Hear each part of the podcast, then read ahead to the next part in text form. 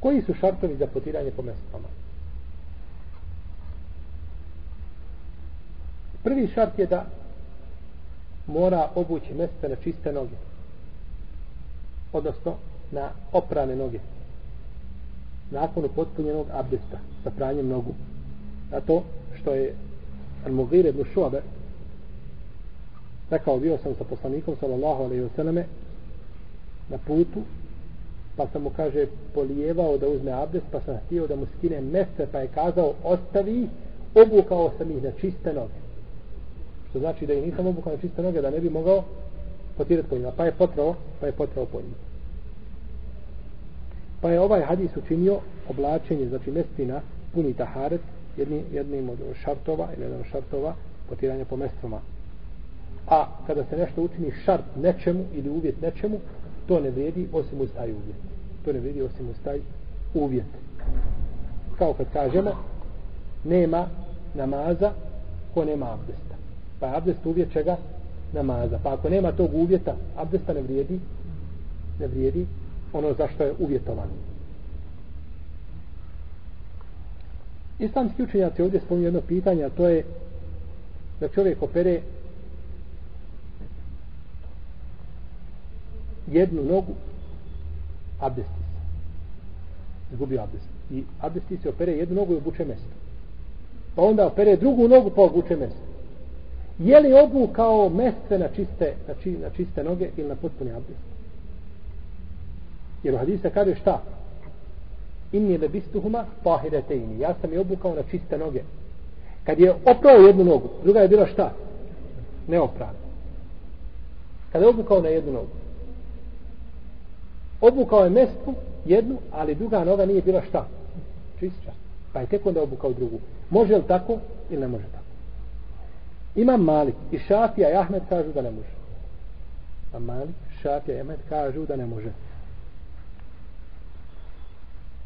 Jer kaže, jer, jer smatraju da nije, znači, nije obukao a, znači, mesta na čiste noge.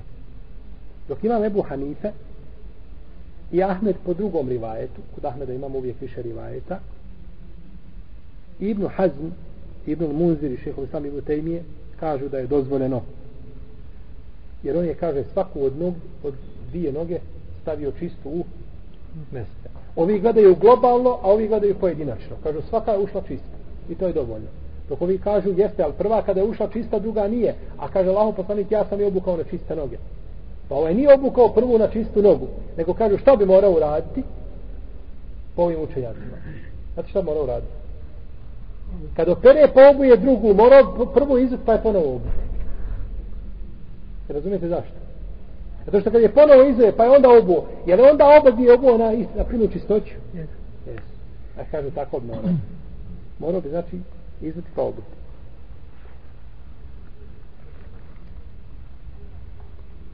Allah ne bude zna da je ispravno mišljenje Ebu Hanife.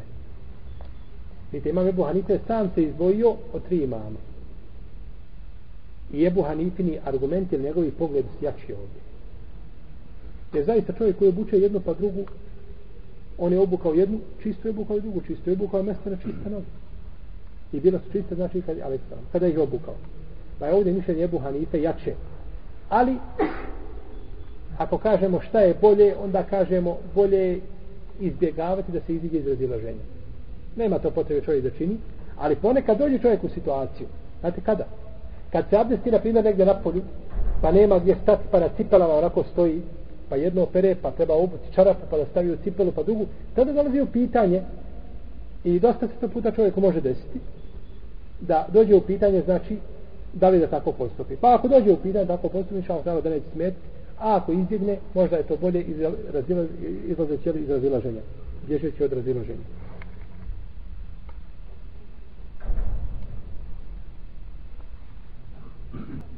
Mjesta po kojim se potire moraju pokrivati članke do stopala, znači stopalo do članaka u stvari. Budući da se stopalo pere pri uzmanju abdesta. U protivnom nije ispravno potirati po pa ima. I ovo je mišljenje hanefijski, malikijski, šafijski, hambelijski učinjaka. Znači, četiri pravne škole slože da mora biti pokriveno ono što se šta potire, u protivnom se otkrio jedan dio pa potiranje ne bilo validno. Sada one čarape što vidite, ona moda ima neka ispod članaka, one kratke čarape, to, po tome se ne može potirati. Po tome se ne može potirati.